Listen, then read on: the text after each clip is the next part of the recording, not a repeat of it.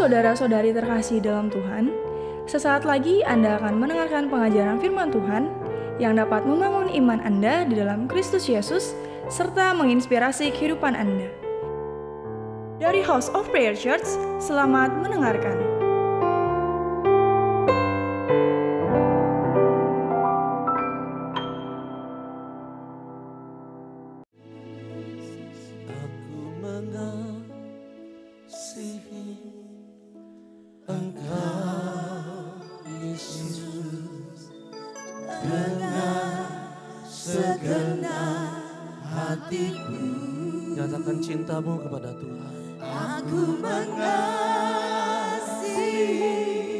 Kami bukannya sekedar nyanyi tapi kami sedang mengatakan cinta kami segenap jiwaku.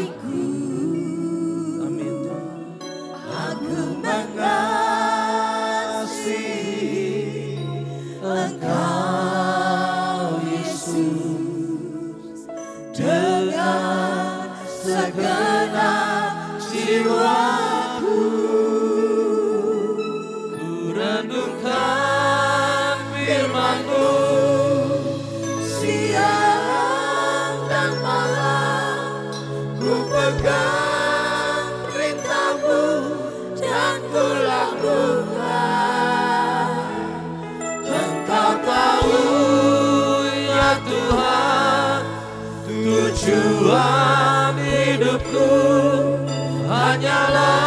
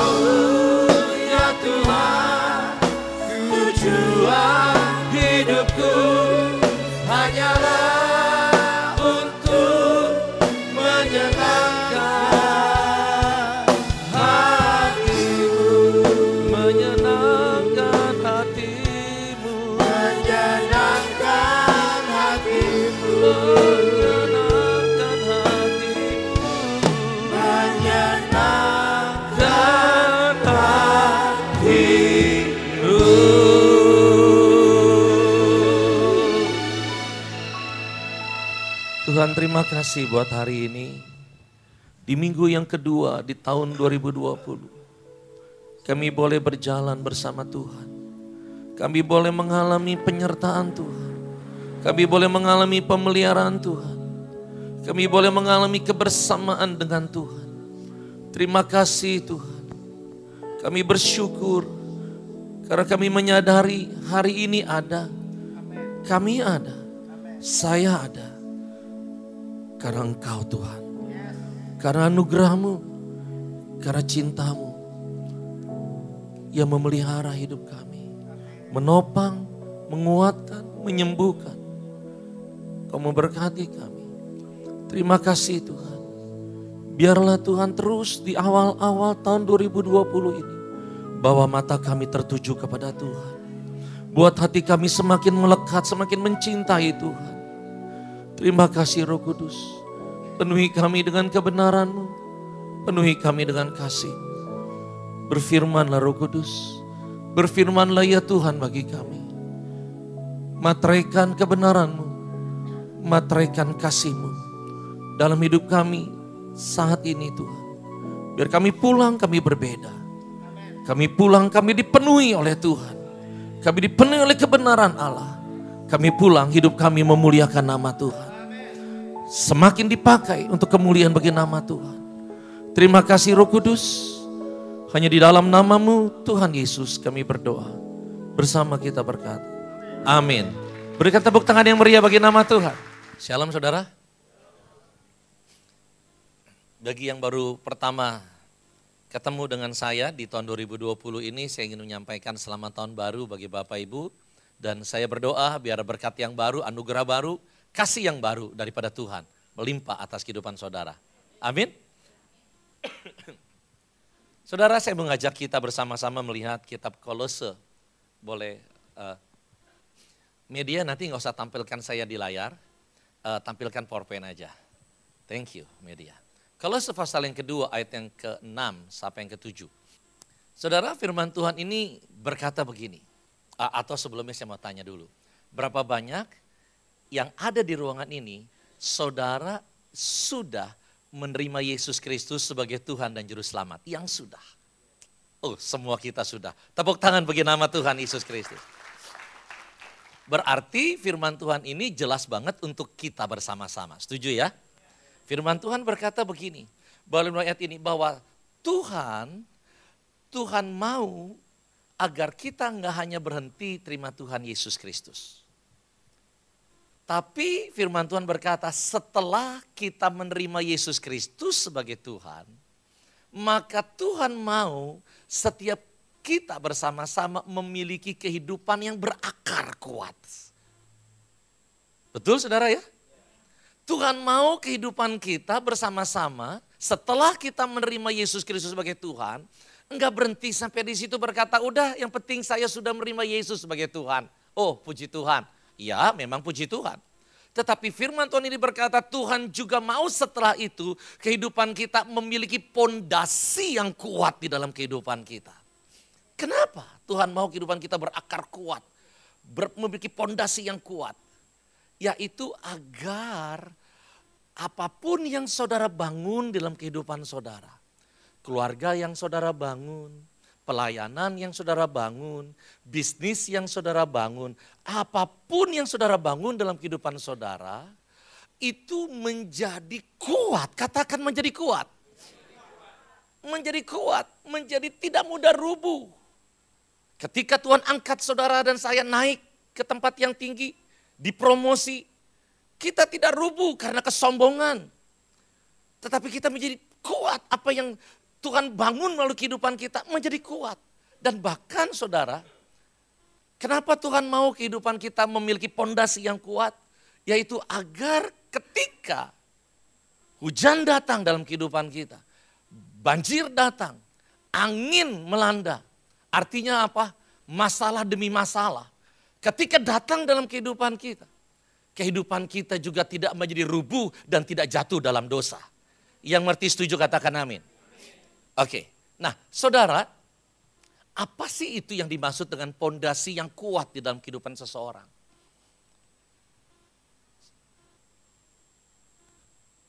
Pondasi yang kuat itu pengertiannya adalah mengenai nilai-nilai kebenaran yang dimiliki oleh seseorang dalam hidupnya. Nilai-nilai kebenaran yang dia hidupi, yang dia perjuangkan, yang dia yakini dalam kehidupannya. Itulah yang menjadi pondasi yang kuat di dalam kehidupan seseorang. Katakan nilai-nilai kebenaran. Nah, saudara, di dalam kitab 2 Timotius pasal yang kedua ayat yang ke-21 berkata begini. Jika seseorang menyucikan dirinya dari hal-hal yang jahat, dikatakan demikian, ia akan menjadi perabot rumah untuk maksud yang mulia ia dikuduskan, ia dipandang layak untuk dipakai tuannya dan disediakan untuk setiap pekerjaan yang mulia. Saudara, kalimat pertama dikatakan jika seseorang menyucikan dirinya dari hal-hal yang jahat. Orang yang hidupnya menyucikan dirinya dari hal-hal yang jahat. Bisa gak dikatakan bahwa orang ini memiliki nilai-nilai kebenaran di dalam hidupnya? Bisa saudara ya? Oke, jadi bisa saja saya ganti kalimatnya dengan berkata begini. Jika seseorang memiliki nilai-nilai kebenaran, good values di dalam kehidupannya, maka ia akan menjadi perabot rumah untuk maksud yang mulia. Ia dikuduskan, dipandang layak untuk dipakai tuannya dan disediakan untuk setiap pekerjaan yang mulia. Jadi dengan kata lain saudara artinya begini. Ketika saudara dan saya, ketika seseorang memiliki nilai-nilai kebenaran di dalam hidupnya. Ketika seseorang memiliki good values di dalam kehidupannya, maka kehidupan orang itu akan dipenuhi oleh kemuliaan Tuhan yang semakin besar. Kehidupan orang itu akan diangkat naik, dipromosi oleh Tuhan. Dipakai untuk menjadi alat yang mulia. Melakukan pekerjaan-pekerjaan mulia bersama dengan Tuhan. Kehidupannya memuliakan nama Tuhan. Kehidupannya memancarkan kemuliaan Tuhan. Sehingga kehidupannya disebut menjadi terang bagi dunia ini. Saudara, dengan kata lain, Orang yang memiliki good values, nilai-nilai kebenaran di dalam hidupnya, maka dia akan mengalami dimensi yang baru di tahun 2020 ini. Yang setuju percaya katakan amin. Yang percaya katakan amin. Saudara sekarang saya pakai tumbler saudara. Karena ada yang berkata begini Pak lebih baik Bapak pakai tumbler, go green Pak. Jadi saya dibeliin tumbler. Jadi sekarang saya pakai tumbler Bapak Ibu ya. Oke, terima kasih ya untuk yang memberkati. Oke, saudara, saya akan teruskan. Jadi saudara, hari ini saya mau mengajak begini. Untuk kita benar-benar menyadari bahwa penting sekali bahwa seseorang itu memiliki nilai kebenaran, values, good values di dalam kehidupan dirinya dan keluarganya. Saya akan teruskan. Saya bersama istri dan anak, kami juga belajar. Kami belajar untuk menanamkan nilai di dalam keluarga. Kami juga memiliki nilai-nilai, good values di dalam keluarga kami. Salah satunya adalah berbicara mengenai menghargai. Berbicara mengenai acceptance, saudara. Di, di dalam keluarga kami, kami punya nilai untuk menghargai siapa pun orang itu. Menghargai semua orang, nggak peduli siapa. Baik itu orang miskin, orang kaya, orang pinter, orang bodoh, pembantu maupun bos. Kami belajar untuk menghargai mereka. Itu salah satu nilai yang kami punya. Dan aplikasinya begini. Di dalam rumah, kalau saudara ada di rumah kami, saudara akan temukan bahwa kalau seandainya kita, uh, saya misalnya minta tolong sama mbak, pembantu, untuk mereka melakukan sesuatu atau mengambilkan sesuatu. Maka setelah dia mengambil sesuatu, dia memberikannya. Maka pasti saya atau istri saya atau anak saya akan berkata, terima kasih ya Mbak. Itu kita belajar saudara. Dan itu value itu adalah sesuatu yang kita yakini bahwa itu adalah kebenaran yang harus kita lakukan. Itu sesuatu yang kita perjuangkan, kita usahakan. Saudara, walaupun mungkin awalnya nggak enak, malu. Contoh yang lain misalnya, saya ketemu siapa pun, saya akan sapa dia. Mau ketemu office boy di gereja, ketika saya datang pagi, saya akan sapa, selamat pagi. Kayak gitu. Ketika saya pulang pun, misalnya saya pulang, saya pamit. Kalau ada dianya tentunya, saya nggak cari dia dong ya. Tapi kalau ada dia di depan saya, saya berkata, Pak, saya pulang dulu, saya pergi dulu. Saudara, itu salah satu value. Salah satu value yang lain adalah berbicara mengenai rela berkorban di dalam melayani Tuhan. Saudara, ini nilai yang kami tanamkan di dalam kehidupan keluarga, termasuk terhadap anak juga. Jadi ketika kami melayani Tuhan, selama selama masih kuat, enggak masih kuat, enggak sakit kayak gitu, bisa bangun kayak gitu, maka kami akan melayani secapek apa pun. Itu salah satu nilai.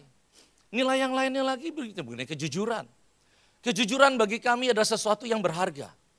Jadi saudara, saya juga ajarin anak untuk belajar untuk jujur. Contohnya misalnya aplikasinya. Ketika ujian, kami ajarin begini. Abigail, nanti ujian, kalau sampai nggak bisa dan nanti hasilnya pun jelek, nggak apa-apa. Yang penting jangan nyontek. Jadi itu yang kami tanam, jangan takut. Kamu sudah belajar, tapi kalau hasilnya jelek, jangan takut, enggak apa-apa. Kami enggak akan marah, dia di mami enggak akan marah. Yang penting kamu jujur, jangan nyontek. Enggak ada artinya kalau dapat nilai bagus cuman karena nyontek. Jadi kami belajar. Salah satu yang lain adalah mencintai istri tanpa syarat. Itu juga salah satu value yang ada di dalam diri saya secara pribadi. Hari ini saudara, saya tidak tahu value apa yang ada dalam diri saudara dan keluarga saudara. Tetapi hari ini saya mau ajak sama-sama. Mari saudara, saudara juga harus memiliki value di dalam diri saudara, di dalam keluarga saudara, di dalam bisnis saudara. Saudara harus punya value, good values, nilai-nilai kebenaran yang saudara yakini itu, saudara hidupi itu, saudara perjuangkan itu di dalam kehidupan saudara dan keluarga saudara, itu terwujud nyata. Saya percaya ketika value itu ada dalam kehidupan seseorang, maka itu juga akan memberkati orang di sekitarnya. Amin saudara? Kenapa sih value itu penting? Saudara sebentar.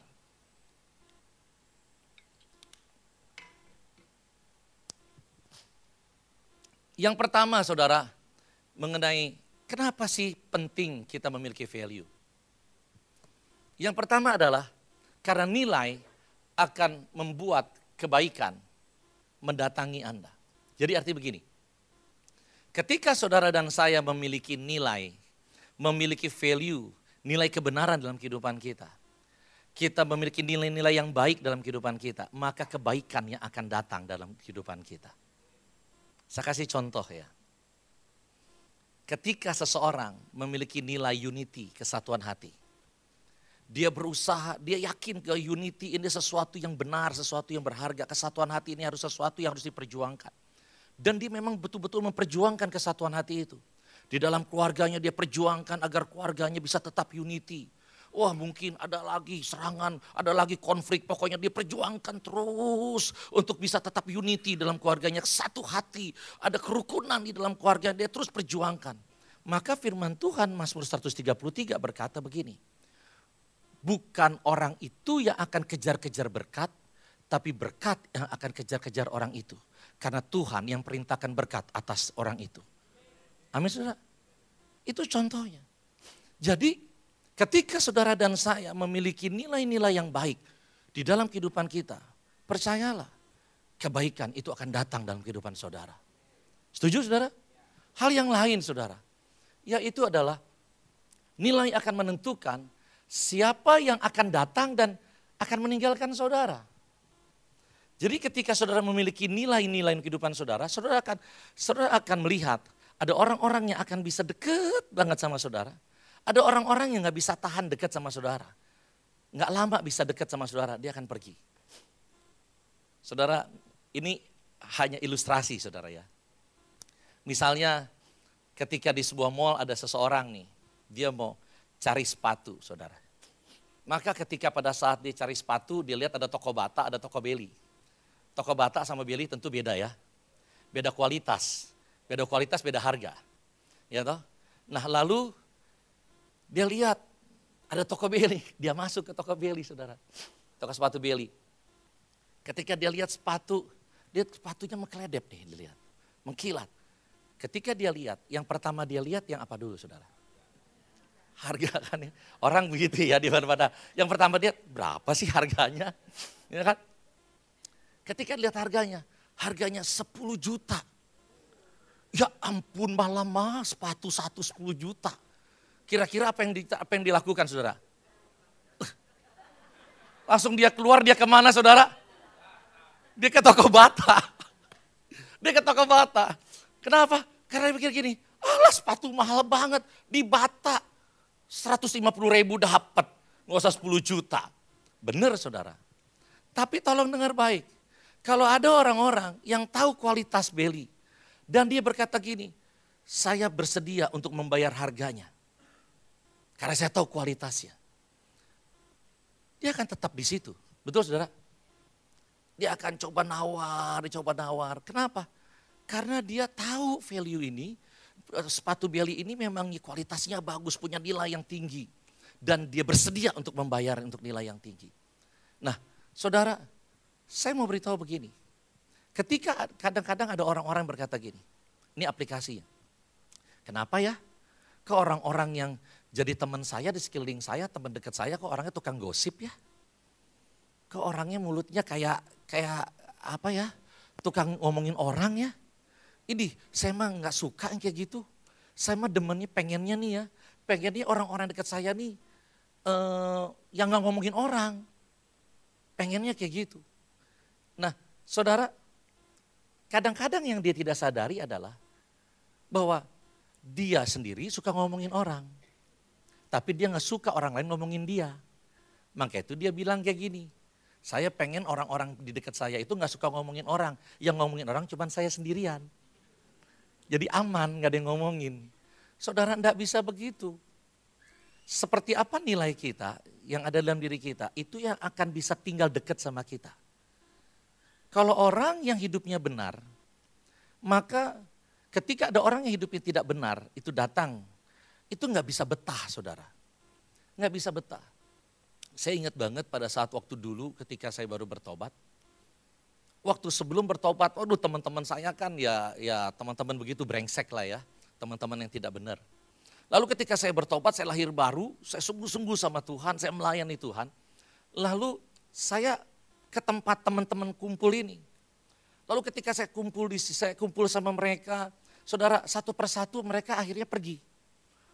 Mereka tadinya awalnya, eh Fit apa kabar lu, baru datang lama, wah ngobrol-ngobrol. Tapi satu persatu akhirnya mereka pergi. Dan saudara, yang tadinya dekat jadi nggak dekat saudara. Kenapa? Karena mereka nggak nyaman. Saudara artinya begini, kalau kita mau orang-orang di dekat kita punya kualitas yang baik, maka kita harus perbaiki diri kita. Agar nilai dalam kehidupan kita juga harus menjadi lebih baik. Setuju Bapak Ibu? Betul kan gitu ya? Nah sama sebetulnya kayak orang mau cari pacar juga begitu. Nantilah ya di ibadah kedua aja lah ya aku cari pacar. Di sini kelihatannya nggak butuh cari pacar kelihatannya dari yang hadir kayaknya nggak butuh cari pacar, cuma ada satu dua yang butuh. Tapi ya oke okay lah nantilah ya. Nah saudara, jadi hari ini saya mau ajak kayak gini. Kalau kita punya nilai yang baik di dalam kehidupan kita, maka orang-orang yang akan jadi inner circle-nya kita, orang-orang yang di dekat kita ini juga akan, yang akan datang adalah orang-orang yang baik. Tapi kalau kehidupan kita punya nilai yang buruk, maka orang-orang yang di dekat kita ini, inner circle-nya kita ini, juga orang-orang yang buruk kualitasnya. Jadi pilihan di tangan saudara. Kalau saudara mau orang-orang di dekat saudara ini yang adalah orang-orang berkualitas baik, yang siap untuk menopang saudara juga ketika saudara lemah, siap membangun kehidupan saudara, siap mensupport ketika saudara membutuhkan. Orang-orang punya kualitas yang baik, maka kita juga harus punya kualitas yang baik. Setuju saudara ya? Hal yang selanjutnya itu apa? Yang selanjutnya adalah dikatakan, oh, oh ini, dikatakan seorang bernama John Wooden dikatakan gini, good values are like a magnet, they attract good people. Dikatakan bahwa nilai-nilai yang baik yang dimiliki oleh seseorang itu seperti magnet. Maka akan menarik orang-orang yang baik itu dekat kepada kita. Oke, yang selanjutnya dikatakan demikian. Pentingnya values yang ketiga adalah sesuatu yang bernilai pasti disukai dan dicari orang. Ini tempat sampah.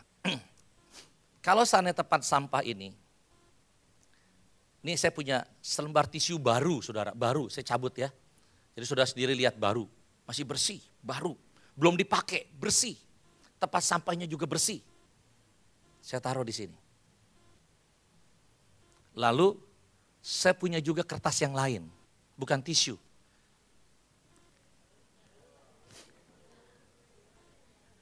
Ini kertas juga saudara. Sama-sama kertas, betul ya saudara ya? Sama-sama kertas. Saya taruh juga di sini. Lalu saya tinggal pergi.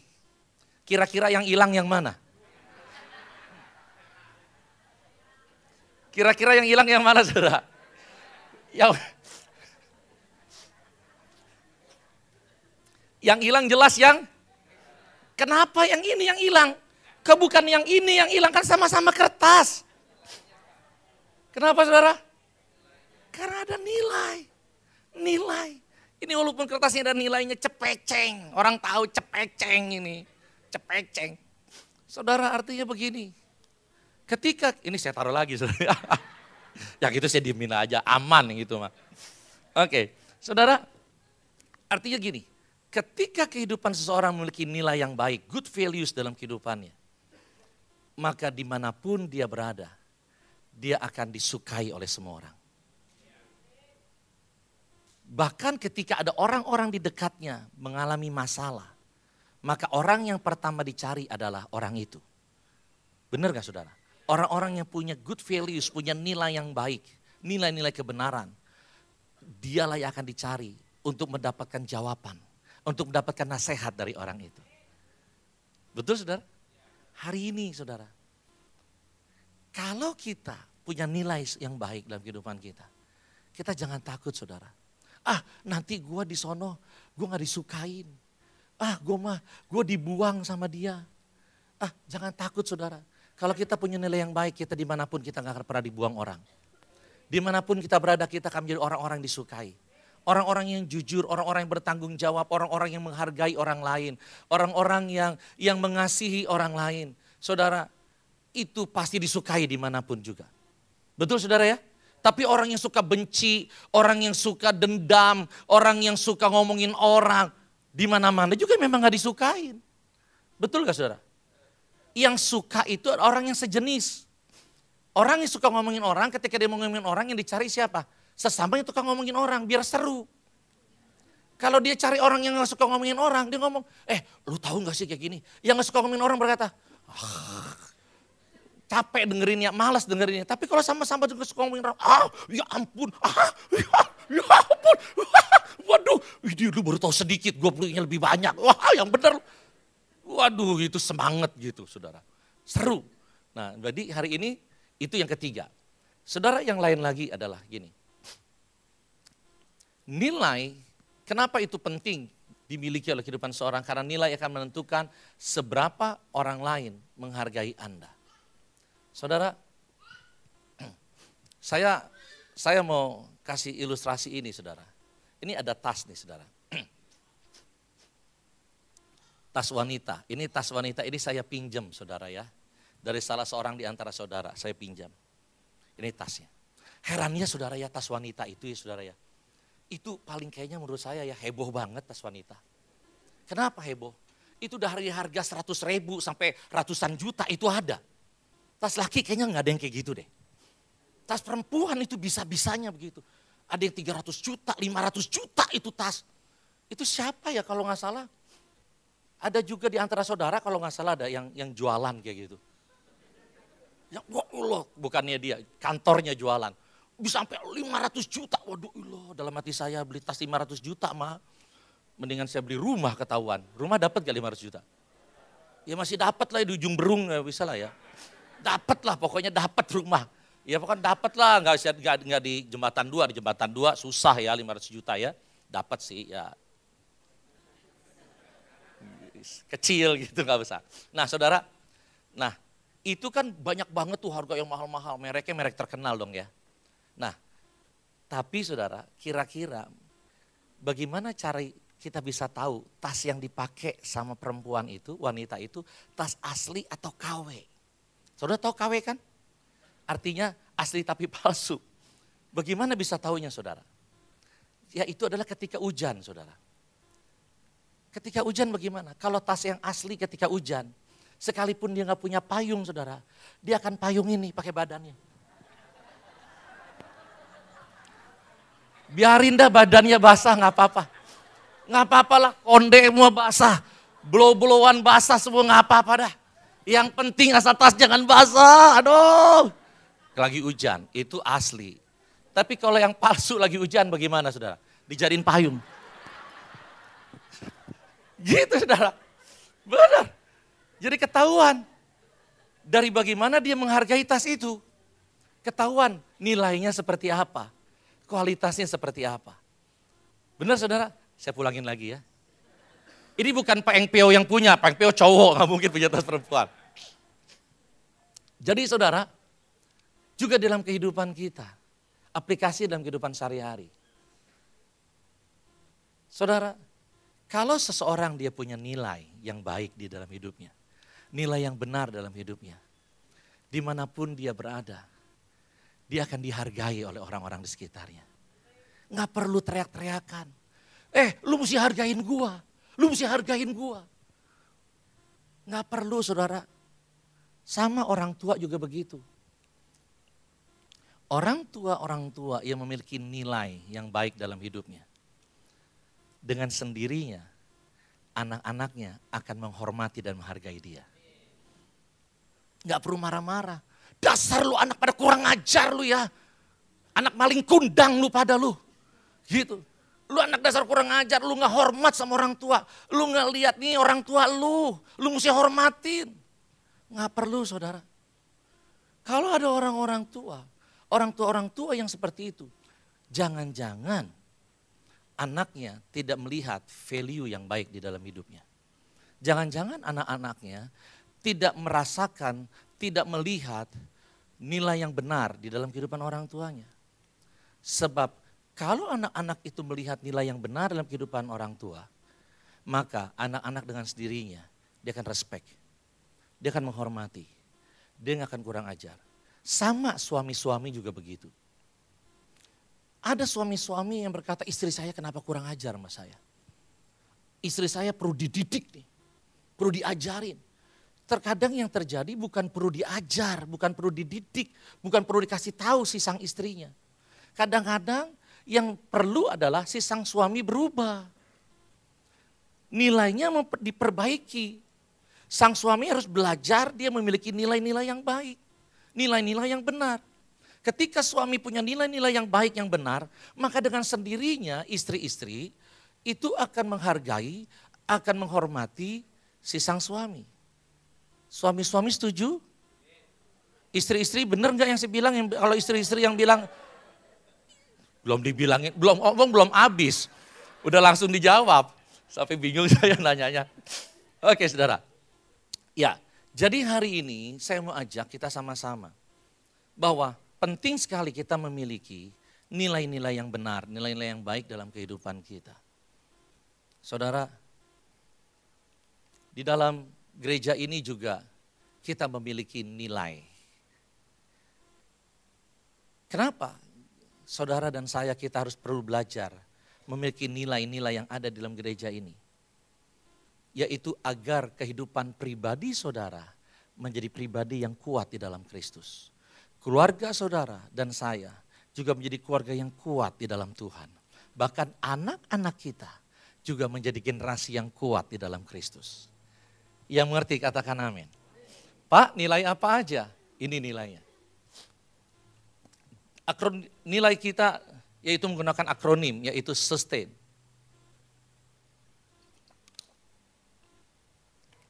Jadi kata sustain ini karena memang sesuai bahwa fungsi daripada value itu menjadi penopang bagi sebuah rumah, menjadi pondasi dalam sebuah rumah.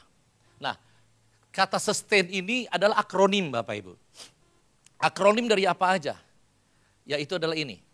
S yang pertama adalah dikatakan sacrifice. Lalu US-nya yaitu adalah useful. Lalu T-nya adalah teachable.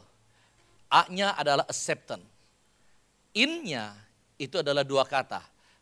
Intimacy dan integrity. Nah, saudara, jadi ini adalah value yang ada di dalam gereja kita yang perlu kita miliki sama-sama agar keluarga kita menjadi keluarga yang kuat. Strong family and strong generation. Yang setuju dan mau bilang, ha Ah kurang kuat. Yang mau katakan amin. Oke. Okay. Nah jadi gampang saudara ya lebih gampang ingatnya. Jadi kalau sana apa sih value eh, apa sih value yang ada dalam gereja ini? Itu loh sus sus sus sus, sus apa sus sus sus. Pertama ingetin kue sus dulu gitu ya. Jadi sus sus sus sus sus sustain gitu ya saudara ya. Jadi gampang ngomongnya ya. Apa value kita di gereja ini? Sus sus sus sustain. Ya, ya salah-salah sedikit Inggris nggak apa-apa lah ya. Supaya gampang aja ngingetnya.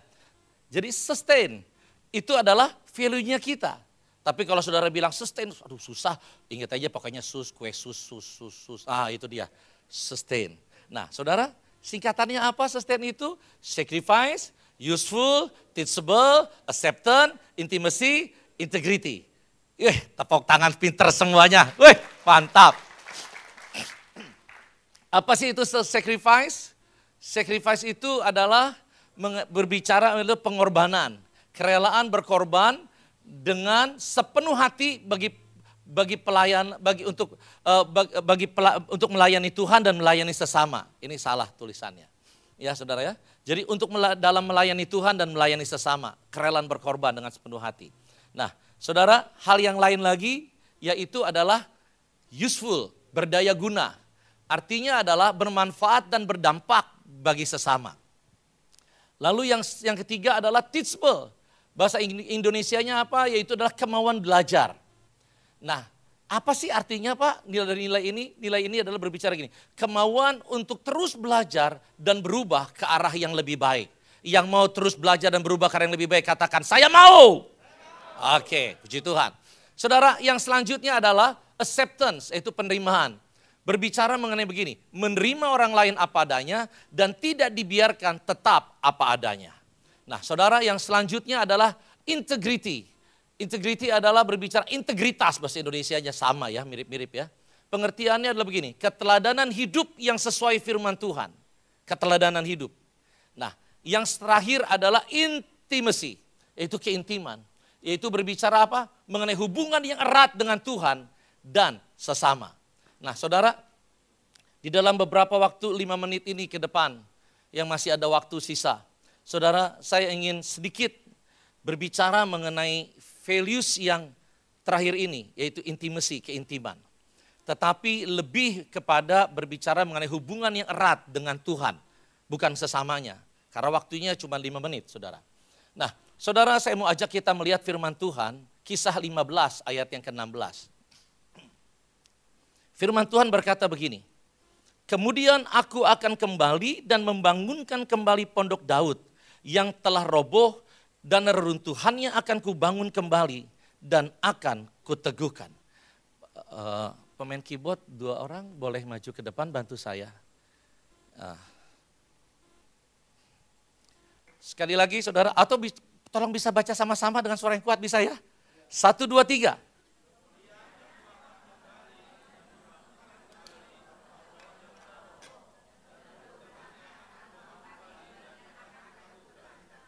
Amin.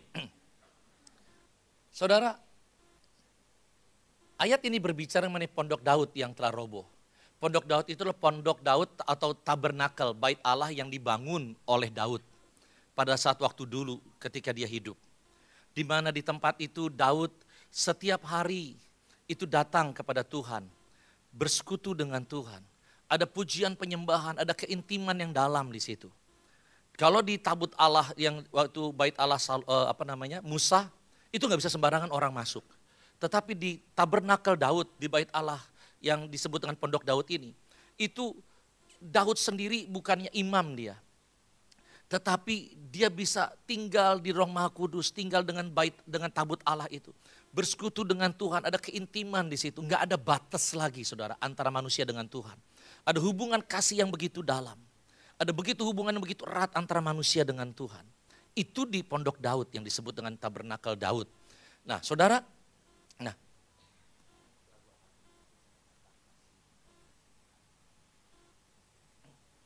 Nah, saudara, ayat ini berbicara begini, bahwa Tuhan itu merindukan untuk tabut Allah itu yang uh, pondok Daud itu dibangun kembali. Kenapa? Satu-satunya alasan Tuhan begitu pengen agar pondok Daud itu dibangun kembali. Karena di tempat itu pernah ada sesuatu yang sangat berharga di mata Tuhan. Apa? Hubungan. Hubungan yang intim, hubungan kasih yang dalam, hubungan kasih yang begitu erat antara manusia dengan Tuhan. Itulah harta yang paling berharga bagi Tuhan. Saudara, saya mau ceritakan sedikit bahwa kenapa itu bisa begitu, bagaimana kita bisa tahu bahwa hubungan yang intim, hubungan kasih yang dalam antara manusia dengan Tuhan itu sesuatu yang sangat berharga. Saudara, ketika Tuhan menciptakan manusia di Taman Eden, ketika Tuhan menciptakan manusia di Taman Eden, Tuhan bukan hanya sekedar menciptakan manusia, tetapi Tuhan menanam sebuah kasih, hubungan yang dalam, hubungan yang erat antara manusia dengan Tuhan. Sehingga di Taman Eden, saudara, manusia Adam dan Hawa itu begitu intim dengan Tuhan bisa berjalan bersama-sama ngobrol seperti dengan manusia. Hubungan kasih yang begitu dalam, begitu intim itu ada, sudah ada ditanam di dalam kehidupan seorang manusia. Agar manusia itu bisa punya hubungan yang erat dengan Tuhan. Dan saudara, firman Tuhan berkata, ketika manusia jatuh ke dalam dosa, lalu apa yang terjadi? Tuhan turun dari sorga, datang ke dunia untuk menebus dosa manusia. Agar bukan hanya manusia tidak binasa masuk neraka, tetapi agar hubungan itu bisa dipulihkan. Hubungan antara manusia dengan Tuhan itu agar bisa pulih kembali. Kenapa saudara? Sampai Tuhan sendiri mau turun dari sorga ke dunia ini. Karena hubungan kasih yang ada antara saudara dengan saya. Itu begitu berharga. Hubungan yang membuat kita bisa berkata, memanggil Tuhan, ya Abah, ya Bapa. Saudara, oleh karena itulah keintiman menjadi salah satu value di dalam gereja ini. Karena kita menyadari Hubungan yang erat dengan Tuhan. Hubungan didasari bukan dagang, tapi hubungan didasari oleh kasih. Seringkali saya ajarkan kepada jemaat di tempat ini. Saudara ketika kita datang sama Tuhan, jangan kita datang itu seperti orang pengen dagang.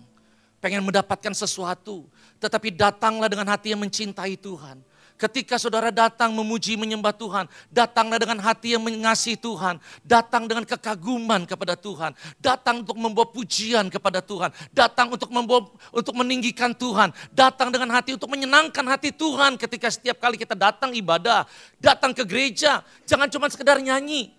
Masih ingat saudara? Sering kali saya ajarkan itu. Kenapa?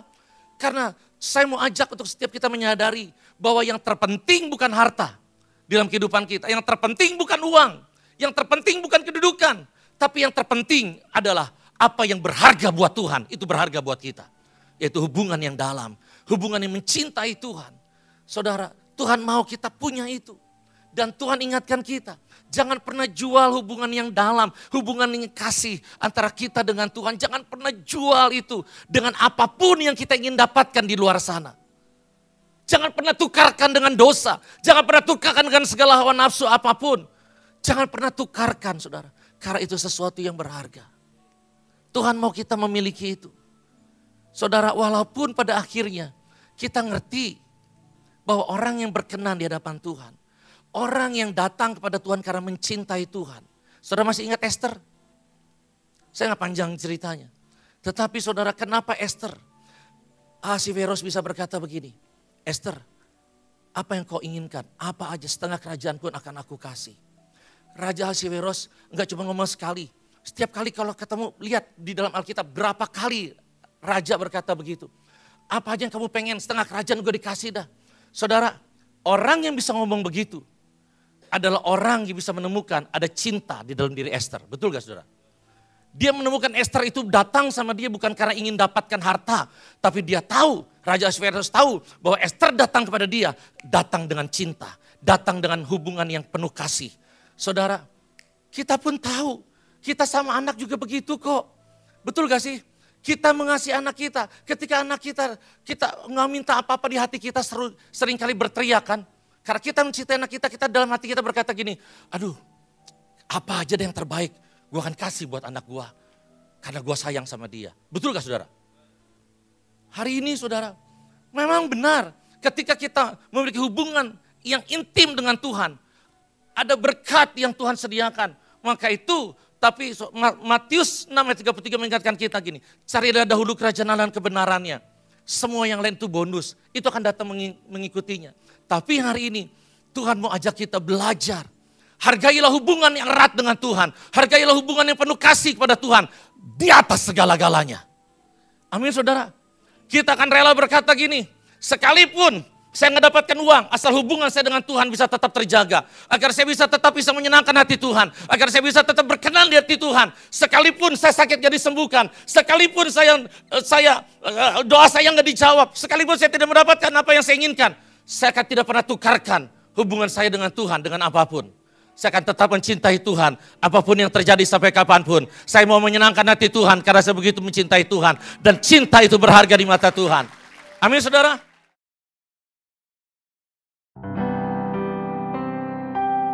Anda telah mendengarkan sharing firman Tuhan yang disampaikan oleh hambanya. Untuk mendengarkan rekaman khotbah lainnya, Anda dapat mengunjungi website hope.church sermon atau streaming melalui handphone Anda Hope Church Podcast di Spotify dan Apple Podcast. Tuhan Yesus memberkati. Strong families, strong generation.